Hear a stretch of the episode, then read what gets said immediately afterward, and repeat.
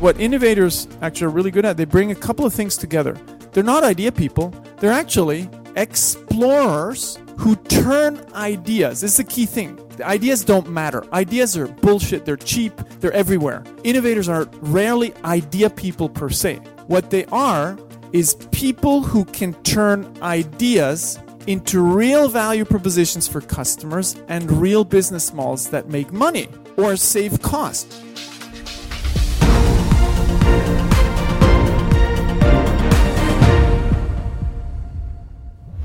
Welcome to this podcast with Dr. Alexander Osterwalder, one of the world's most influential innovation experts. He's a best selling author which has sold more than 1 million copies to more than 30 countries. He's ranked as the fourth of the world's most influential management thinkers, and yes, he is the inventor of the business model Canvas. His models, books, and work has been used in numerous process work around the world and innovation lectures, including mine in the Norwegian Business School. So, Alexander Osterwalder, it's an honor to talk to you prior to your keynote speech at Oslo Business Forum on the 29th of September. Pleasure to be here. Thanks for having me. Today, I want us to talk about how established companies can stay competitive and drive growth in uncertain times. And I know you have some thoughts about that. Yeah, absolutely. And, you know, it's actually very similar from startups to small companies to large organizations some of the aspects of the culture. Obviously as soon you know as you have a business model that works and you become small or big company um, there are different constraints that you need to take care of. But it's immensely important that we put strategy and innovation for me they're almost synonyms at the center of our thinking because otherwise we're at risk of becoming obsolete. But you find these words, I mean, non-academics doesn't really care so much about them. But from the academian side, it's a, it's a huge difference between innovation and strategy, isn't it? Well, you know, I'd, I'd say uh, strategy is increasingly becoming a synonym in the sense that strategy is becoming dynamic and you need to reinvent yourself all the time. So I'm actually in the process of designing a workshop for the leaders of one of the biggest consumer brands on the planet for their leadership. And, you know, I was invited to talk about strategy, but what I will actually talk about is how do you create a portfolio, two portfolios actually, where you improve what you have. So that's the traditional kind of strategy and you invent the future at the same time. So what in, in academia we sometimes call ambidextrous, right? Being great at both, left and right hand. In this case, you know, exploiting what we have and exploring the future. That is what strategy is. And strategy is not about, oh, I'm going to make a five year strategic plan. that used to be maybe. But strategy is not about planning. It's about giving strategic guidance so you can manage your portfolio of existing businesses and new businesses so you can allocate the, the, the resources to the right things. And strategy is a lot more emergent today. You can't actually, in innovation, for example, you can't pick the winner anymore. You, you let the winner emerge by creating the right ecosystem. So I believe strategy has actually become a lot more difficult because it goes hand in hand with a, you know, ambidextrous culture where you're world class at execution. That's the traditional kind of thing. I make a plan, I execute. You still need to be really good at that, but it's not enough anymore. So at the same time, you need to be capable of reimagining the future and creating the conditions for your team to create the future. That is different. And that's how strategy changed immensely. So it's a lot less about planning. It's a lot more as leaders about giving strategic guidance and then getting out of the way and letting people to do the work. And that I think is, is the biggest shift that we're seeing is today leaders actually need to get out of the way. But they do need to do one thing. They need to create the conditions for teams to succeed. And that sounds very easy. It's incredibly hard. It's wonderful and, and interesting. And I will follow up on that because I also have a, a thought here about when we used to teach economics in the late 80s and the beginning of the 90s, it was looked upon as the black box, and you need to control all the resources, and then some magic things on reinventing your business model just happened. But today, you know, all these dynamics and all these external shocks and all these things that you, it's impossible to look into the future. I think your metaphor on the invincible company. Where where does it come from, Alexander?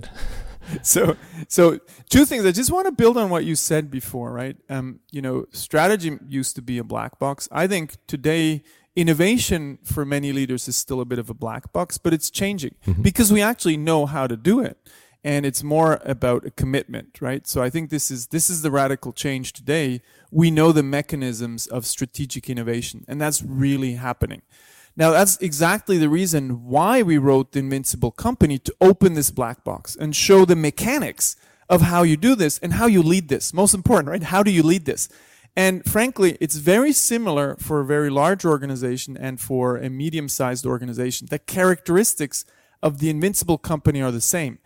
And the reason we we picked the word invincible company is obviously you need to be a little bit provocative to sell books, right? And nobody needs another business book. There's so many out there. Why would you why would you buy another business book? So we wanted to be aspirational. But the reality is, and that's exactly why we picked this title, no company is and ever will be invincible, except if you have a monopoly, you know, guaranteed by the state. Fine, different conversation. But here's the thing. You only stay invincible if you stay humble and reinvent yourself all the time. So we say there are three characteristics actually of invincible companies. It's number one, they do not rest. they always reinvent themselves while they're successful, right? That's the ambidextrous aspect. You don't wait for innovation, you always innovate. Number one. Number two, they actually compete on superior business models. They don't just compete on product technology. You know, sometimes we say innovation, oh, it's all about technology. It's not. It can be an aspect, but you know, superior business models is the key thing. And the third one, it's the hardest for strategy and innovation in general, I'd say, and for leaders, is transcending industry boundaries. Today, you know, if you take the, the, the, the leading companies of the world, the top 10 companies, you can't fit them into an industry anymore Apple, yeah, they make hardware, but guess what? They make entertainment. They have a you know a, a platform that connects developers with uh, with iPhone buyers. So it's a business model, which is the unit of analysis. So breaking out of your industry and saying, no, no, I'm not a pharmaceutical company. I'm not a news company. That doesn't exist anymore. Today you have business models that compete in an arena and those three characteristics are the same. And we call them invincible because they actually admit that they are not. They constantly revisit how is the future going to look like and how am I creating an ecosystem to be ready for the future? So it's a completely different way to play the strategy game. But a strategic perspective on a more historical time frame will then be is this the emergence of the platform economy, isn't it? So I would not say that because I'm no. I'm against dogma in the sense that of course platform business models are extremely attractive and extremely hard to disrupt. But if you take one of the world's still you know biggest companies, number one on the Fortune uh, global Fortune 500 list, you know Walmart is still you know Walmart is not a platform company in the sense of a of an Apple, right? But you know, still one of the biggest companies on the planet, depending on the measure you look at. So I don't believe in dogma. I believe in how do you figure out the right business model for your organization at a specific moment in time. That's what strategy is about. Strategy is not, oh, this is the magic wand. Everybody needs to build this kind of business model. And if you look at the top companies in tech, you know, you take uh, you take Amazon, you you take uh, uh, Google, you take Microsoft, they all compete against each other with somewhat similar business models, but they're not similar, right? So they have similar aspects. All of those have a platform aspect, but they all play in a different way. So the question is, you use kind of my friend Roger Martin's, um, you know, defini- definition of strategy. Where do you want to play and how do you want to play? That's the key. And don't copy. The last thing you want to do is copy others. Your competitors do not matter. What matters is how you define your strategy to do two things. And they're very simple create value for your customer and create value for your business. Sounds so simple, it's not. That's the only thing that matters. Stop looking at competition.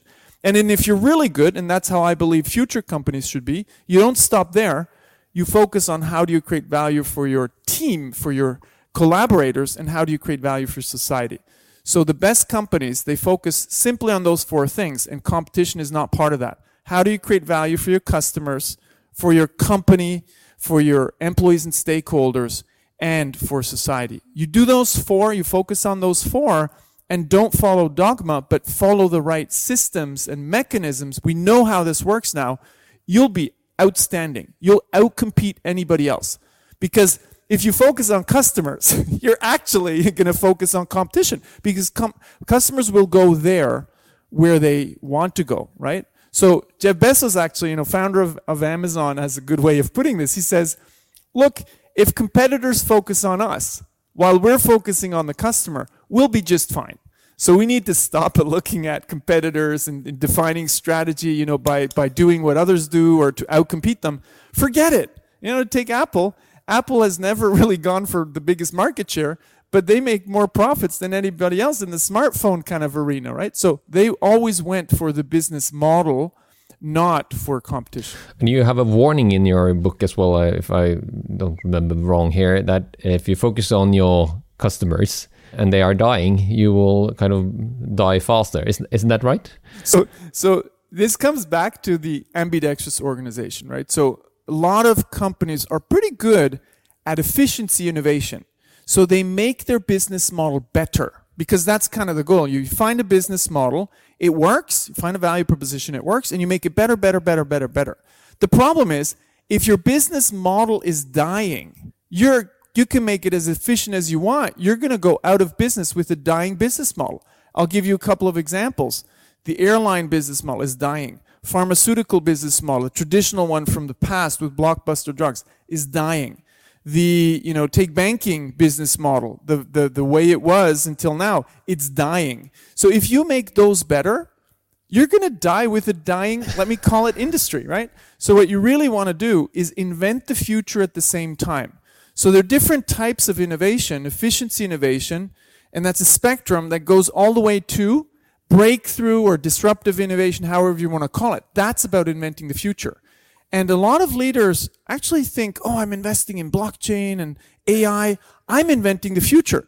But the tragedy is they're applying these technologies to a dying business model. So what you really want to do is say, look, technology so doesn't matter am I inventing the business models for the future? And there's a very specific way to do that. Leaders can't pick them. They don't even need to understand them. All they need to do is create the context where their teams are going to let the best business models emerge. It's not the leader's job to pick the winning ideas of the future. It's the team. The leaders have one single job. It's to create the conditions for winning ideas to emerge. That's what leaders need to do. And again, sounds kind of trivial, but it's a commitment issue, and you need to understand how innovation works to make that possible. Today, many companies, and I don't want to blame the leaders for being incapable, it's because they don't understand innovation enough. They apply the rules of execution, of world class strategy to innovation. But those are rules that are perfect for execution but you'll kill any innovation initiatives. And that's why you're seeing a lot of innovation theater, companies putting a lot of money in innovation, getting zero results. Very, very poor results.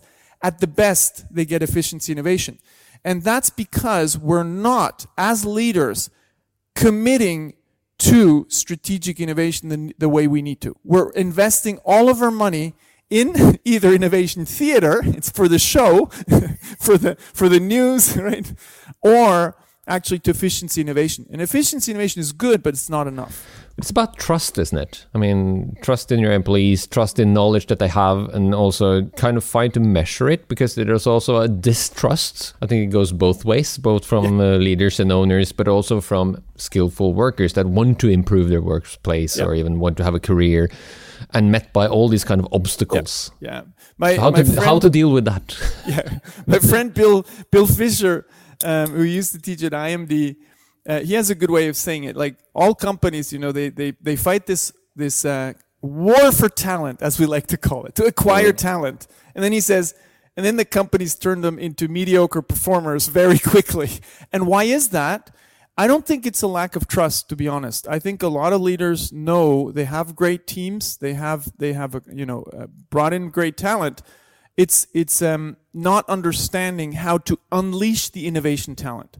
I think companies are very good at unleashing execution talent. So pretty good managers. There's still some space there for improvement, right? To eliminate politics and all those turf wars. But what, what I think companies are not so good yet, yet at is not acquiring talent or trusting talent. It's creating the conditions for innovation talent to thrive mm. because it's a different culture. It's different metrics. And when I say culture, I don't mean ping pong table. I mean how you measure people's work. In innovation, you don't measure people on are they delivering a project on time and on budget. No, you're actually you're, you're, you're, you're measuring how many teams are working on how many ideas, how many experiments are done, how much evidence is created, and then you measure which teams are able to reduce risk. And the winning ideas will automatically emerge. It's very similar to a certain extent to venture capital. So there, it's the same thing. Venture capitalists actually know they can't pick the winner. They trust the process, not the teams per se. So if a venture capitalist, a later stage, invests in 10 teams and ideas, they went through maybe 100, you know, pitch decks, presentations. And they know that from the 10 teams they invest in, only one is going to make it big. Not because that's, you know, the smarter person, it's just because that's how it works. So many factors need to be right. The timing, the market, and the team and the business model. But that's one factor, right? So they invest in a portfolio. They invest in 10 teams. So what venture capitalists do, and this is what leaders need to do in innovation, they need to trust not just people, but the process and the system that they put in place. And then the winning ideas will emerge. You don't even need to pick the best teams anymore. You don't need to, need to pick the best winners because they will emerge. And to a certain extent, there will be a lot of losers that are actually world class innovators, but you know, not everybody is going to hit the right idea at the right time. So it's not the problem that the talent didn't work, the idea might have been too early. So we need to build the process for winning ideas to emerge. And frankly, when I talk to leaders, so I talked just recently to a leader of a, a bank with 45,000 people, they get it immediately. Or to take, you know, a smaller company, here a Swiss company called Laurastar. They're, they're actually a world leader. It's a small company, but they're world leader in steam irons. They apply exactly the same system, exploit, explore. And they know they need to invest in a certain number of ideas and the winning idea will emerge. And it's not just the people, it's actually the process. So I think leaders get it very quickly but today it's often too much of a black box. So I, I think no company has a, has a lack of ideas or talent. No company. As soon, maybe you could say, as soon as you have 100 people, you probably have the innovation talent you need. If you're 10, different, right? But with if you're 10, you're probably just looking for the right business model and you're not even in need for the next business model. And one of the hottest topics these days is reskilling and kind of employing people with new skills and tools and, and things that they need. Have you looked into that as well, Alex? So I think so. Obviously, we always need to learn and we always need to adapt to a new world, right? New technologies. Right now, there's Zoom. We all work remotely. So there is an aspect of reskilling everybody because there's certain skills that everybody need. Mm-hmm. But there's one thing that is terrible when we say everybody needs to be an innovator. Let's train everybody to be an innovator. That's pure stupidity. Because if you have people who are world class at execution, at managing, at project management, you don't need to turn them into innovators because probably those are not going to be the best innovators. So, of course, we need to learn how to do innovation, and you want to identify a couple of people or teams in your company that need to learn the tools of innovation, but don't think you need everybody to become an innovator. So, if we're talking about retooling and reskilling everybody, we're talking like about a general technique like speaking or having a meeting. Sure, there I want to retool everybody. But when we're talking about innovation, we're actually talking about a profession. Does everybody have to be a marketer in your company or a financial analyst or you know able to make uh, yearly reports? Of course not. So why tell me why in innovation do we say everybody needs to be an innovator because we don't see it as a profession yet? Should everybody rethink how they can do their work better? Yes. But that's not the same type of innovation as building the future of your company. So, to summarize, I go on a rant here because I'm, I'm Oh, really, I think it's really important. They're basic skills that everybody should learn and add to their repertoire. How can I, you know, innovate in my world to make my job better, my team better, you know, around meetings or whatever? For sure. But then there's a profession of innovation when we're talking about new value propositions and new business models. That is a profession in itself. It's it's like you'd ask a doctor and say, "Oh, go do some workshops and then you can do heart surgery." Of course not. So innovation when you get really good at it actually has two components. One is like with doctors, physiology and anatomy. Learn the business physiology and anatomy of innovation, learn the tools and processes. And like in, in with doctors, medical profession, you also need to learn in the field, internships, right? You need to practice. But it's both. And that's the key, I would say, in training innovators, any kind of profession actually, you need both theory and practice. And sometimes it's to me as people would say, yeah, yeah, but you know, innovation, uh, you need like uh, two days of workshop to learn the theory and then just go and do it. Well, you're not going to get professional innovators because you're not taking it seriously. So it is a little bit harder than that. But the good news is we can train innovators because we exactly know how to do it. And with practice, they get better. So, you know, that's key because you need to have in your company, if you're 100 people, you need to have a person, at least one person, who One. has the profession of innovator. No, I'm saying at least because At the least. reason I'm saying at least is because a lot of people say, yeah, yeah, we have somebody who does that 20%. And then the same person is, rely, is, is responsible for the supply chain. Guess what they're going to focus on? So what I'm saying is you need at least one. You're totally underinvesting, in my opinion, if it's just one. But after 100 people, you need an innovation professional in your team because otherwise you're not going to get innovation. And, you know, you have a strategy team, and so in larger organizations, we just don't have enough innova- um, investments in innovation yet. But it's changing. That's the good news. What, what kind of skill set do they, or what kind of people are those innovators or entrepreneurs, which I think uh, the right kind of academic Yeah, so- phrase is? Good question, right? And I would just, I'll give you an answer, but I'll also just caution anybody who's going to go look for innovators. Because the only way you know if somebody is an innovator, really good at innovation, is the results. Okay? That's only the only thing that matters. You can start to look at characteristics, but you know, some might be really good at ideas and pattern recognition, but they're terrible at actually carrying ideas all the way to, you know, execution. That is a skill in itself. And what innovators actually are really good at, they bring a couple of things together. They're not idea people, they're actually explorers who turn ideas. This is the key thing. The ideas don't matter. Ideas are bullshit, they're cheap, they're everywhere. Innovators are rarely idea people per se.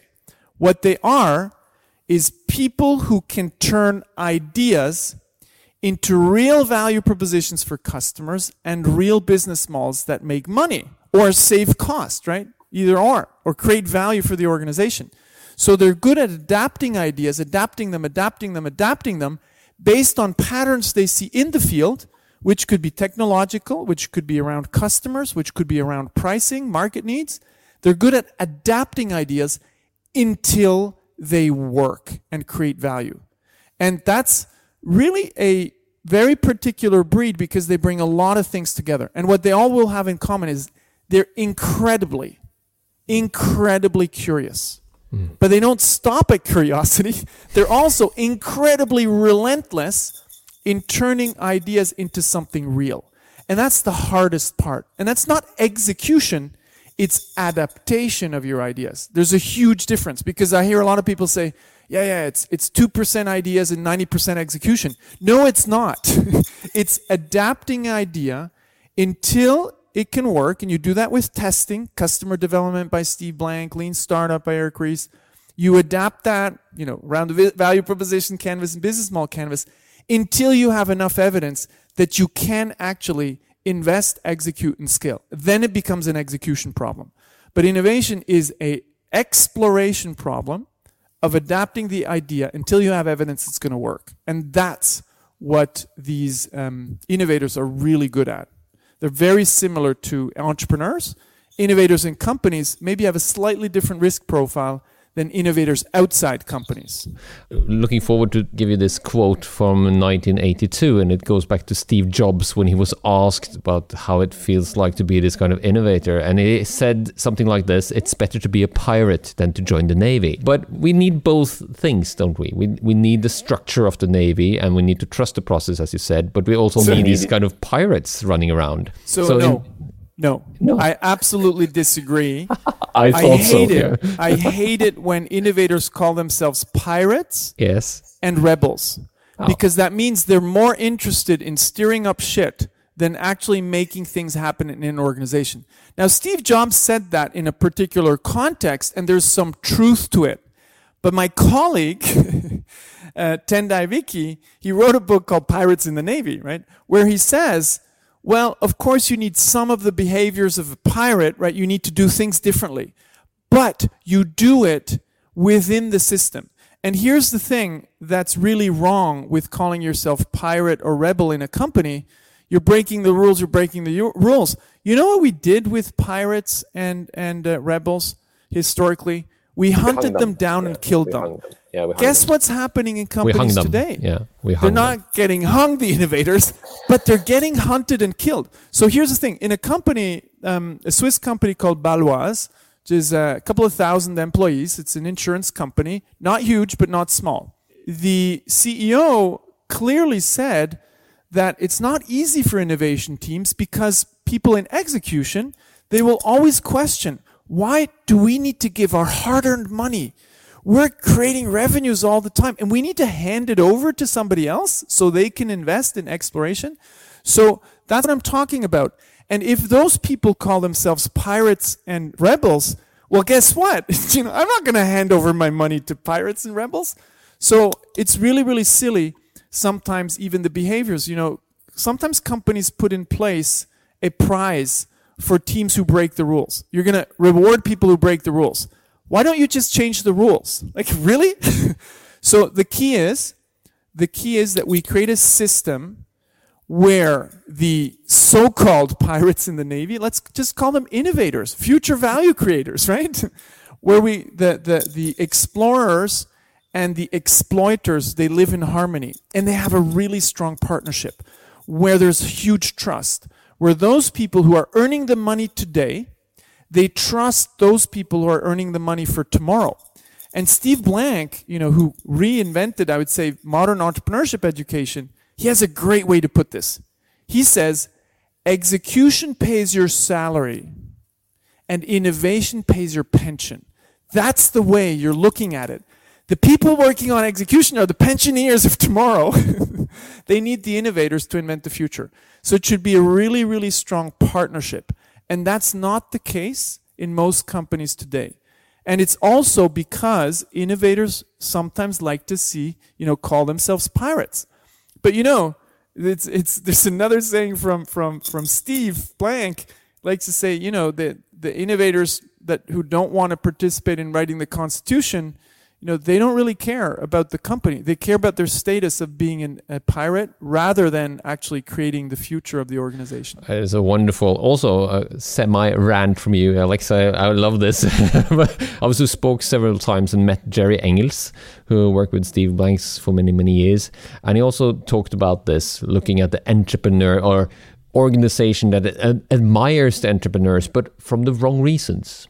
Uh, and I, I, I, it's so right. Uh, and uh, finally, I want to challenge you because we, you are coming to Norway again. You've been here before and everything. And the Norwegian context, of course, is uh, I'm, not, I'm, not, challenging you on it more than I want you to comment on it because we have a lot of we have a few big organizations, but we also have a lot of small or, or organization and companies that are really successful abroad. Is this kind of thinking in a in a global setting from a from a small company from managers? Can you use this tool if you have 50 employees scattered around the world and how to organize that? Can you give absolutely. a short comment on that? I would say absolutely. It's actually even more important because your survival matters upon it. And think of, you know, the world today after 18 years of uh, 18 years, 18 months sound, seems like 18 years of pandemic where remote work has been accelerated, you'll see competitors coming up from places you would have never expected. So, as any kind of small organization, you are not going to survive if you do not have innovation in your DNA. And I'm not just, you know, this is my opinion, but I've talked to a couple of CEOs of companies of this size, between, you know, 50 and 200 people, and that's what they say. They say, Alex, you know, innovation for, for us is not a nice to have. It's a matter of survival. The large companies, you know, some of them can actually survive a misstep that costs them billions and they, they don't have to figure it out right away. But for smaller companies, it can, you know, uh, not putting this into your DNA, not you know, making this part of how you think, can actually mean life or death for the company. Like that's not over dramatized. You're going to survive it, and then you know Norway is cr- pretty pretty good with their employees. I think you know so so yeah. nothing to worry about in that sense. But I would even say that's an advantage. So the key thing is that you know Norway has you know its oil wealth, and it should be invested in helping companies you know, think beyond a the oil wealth, but also thinking beyond the business models that exist today. You have a unique opportunity, like very few countries and companies on the planet. Like very few have this luxury situation that you have, and with the brilliant people that I got to meet, you know, I think we need to accelerate this. I have seen our tools adopted very early, lean startup adopted very early. But I also feel like it's stagnating. It's not getting to the next level. So I'm excited to come back because, you know, our thinking evolves all the time. That's why we wrote a new book on innovation, The Invincible Company, because we always ask, does the world need another book? Probably not. But actually, in innovation, it is so because every year, best practices are completely different. What was good three years ago in innovation today is useless. It's almost like it's we the mistakes we made 3 years ago informed how we should do it today. So in innovation things are happening very rapidly. It's a little bit like you know when when the web was invented, the World Wide Web, we had HTML pages and it was like all the rage and it felt like new. Today, you know, you're you're compared to Amazon. So it's not enough to do what we used to do 3 years ago, you know, 5 years ago or 10 years ago. Innovation is getting better and better and it's turning into a real profession where we know the rules. Just like web development. You know how to do an html page? You're never going to get a job in the web economy because that's you know 1995 that's not how it works anymore so i think there's a huge opportunity for norwegian companies to actually take this beautiful situation of being you know ahead having pretty good wealth having a good you know system uh, safety system to get to that next level. Now is the moment. Now is the moment. Always hard when it's going well. It's always hard to think of the future. But just think of how many companies, you know, that were number one and disappeared. Nokia being the other Nordic example, they were number one. It didn't take a lot of time. Like in one, two years, you know, it, it plum- plummeted. So things can change very quickly. They can, and it's a. I love this, and I'm so much looking forward to your visit and your keynote speech on the 29th of September. You're so much welcome back to Norway, and to all your leaders listening to this, to trust the process and to get out of the way. Uh, and if you want to learn more, you should read the book or visit us and Oslo Business Forum. Thank you very much, Alexander. It was a pleasure to be part of this, and I'm really looking forward to coming back to Norway physically. Wow.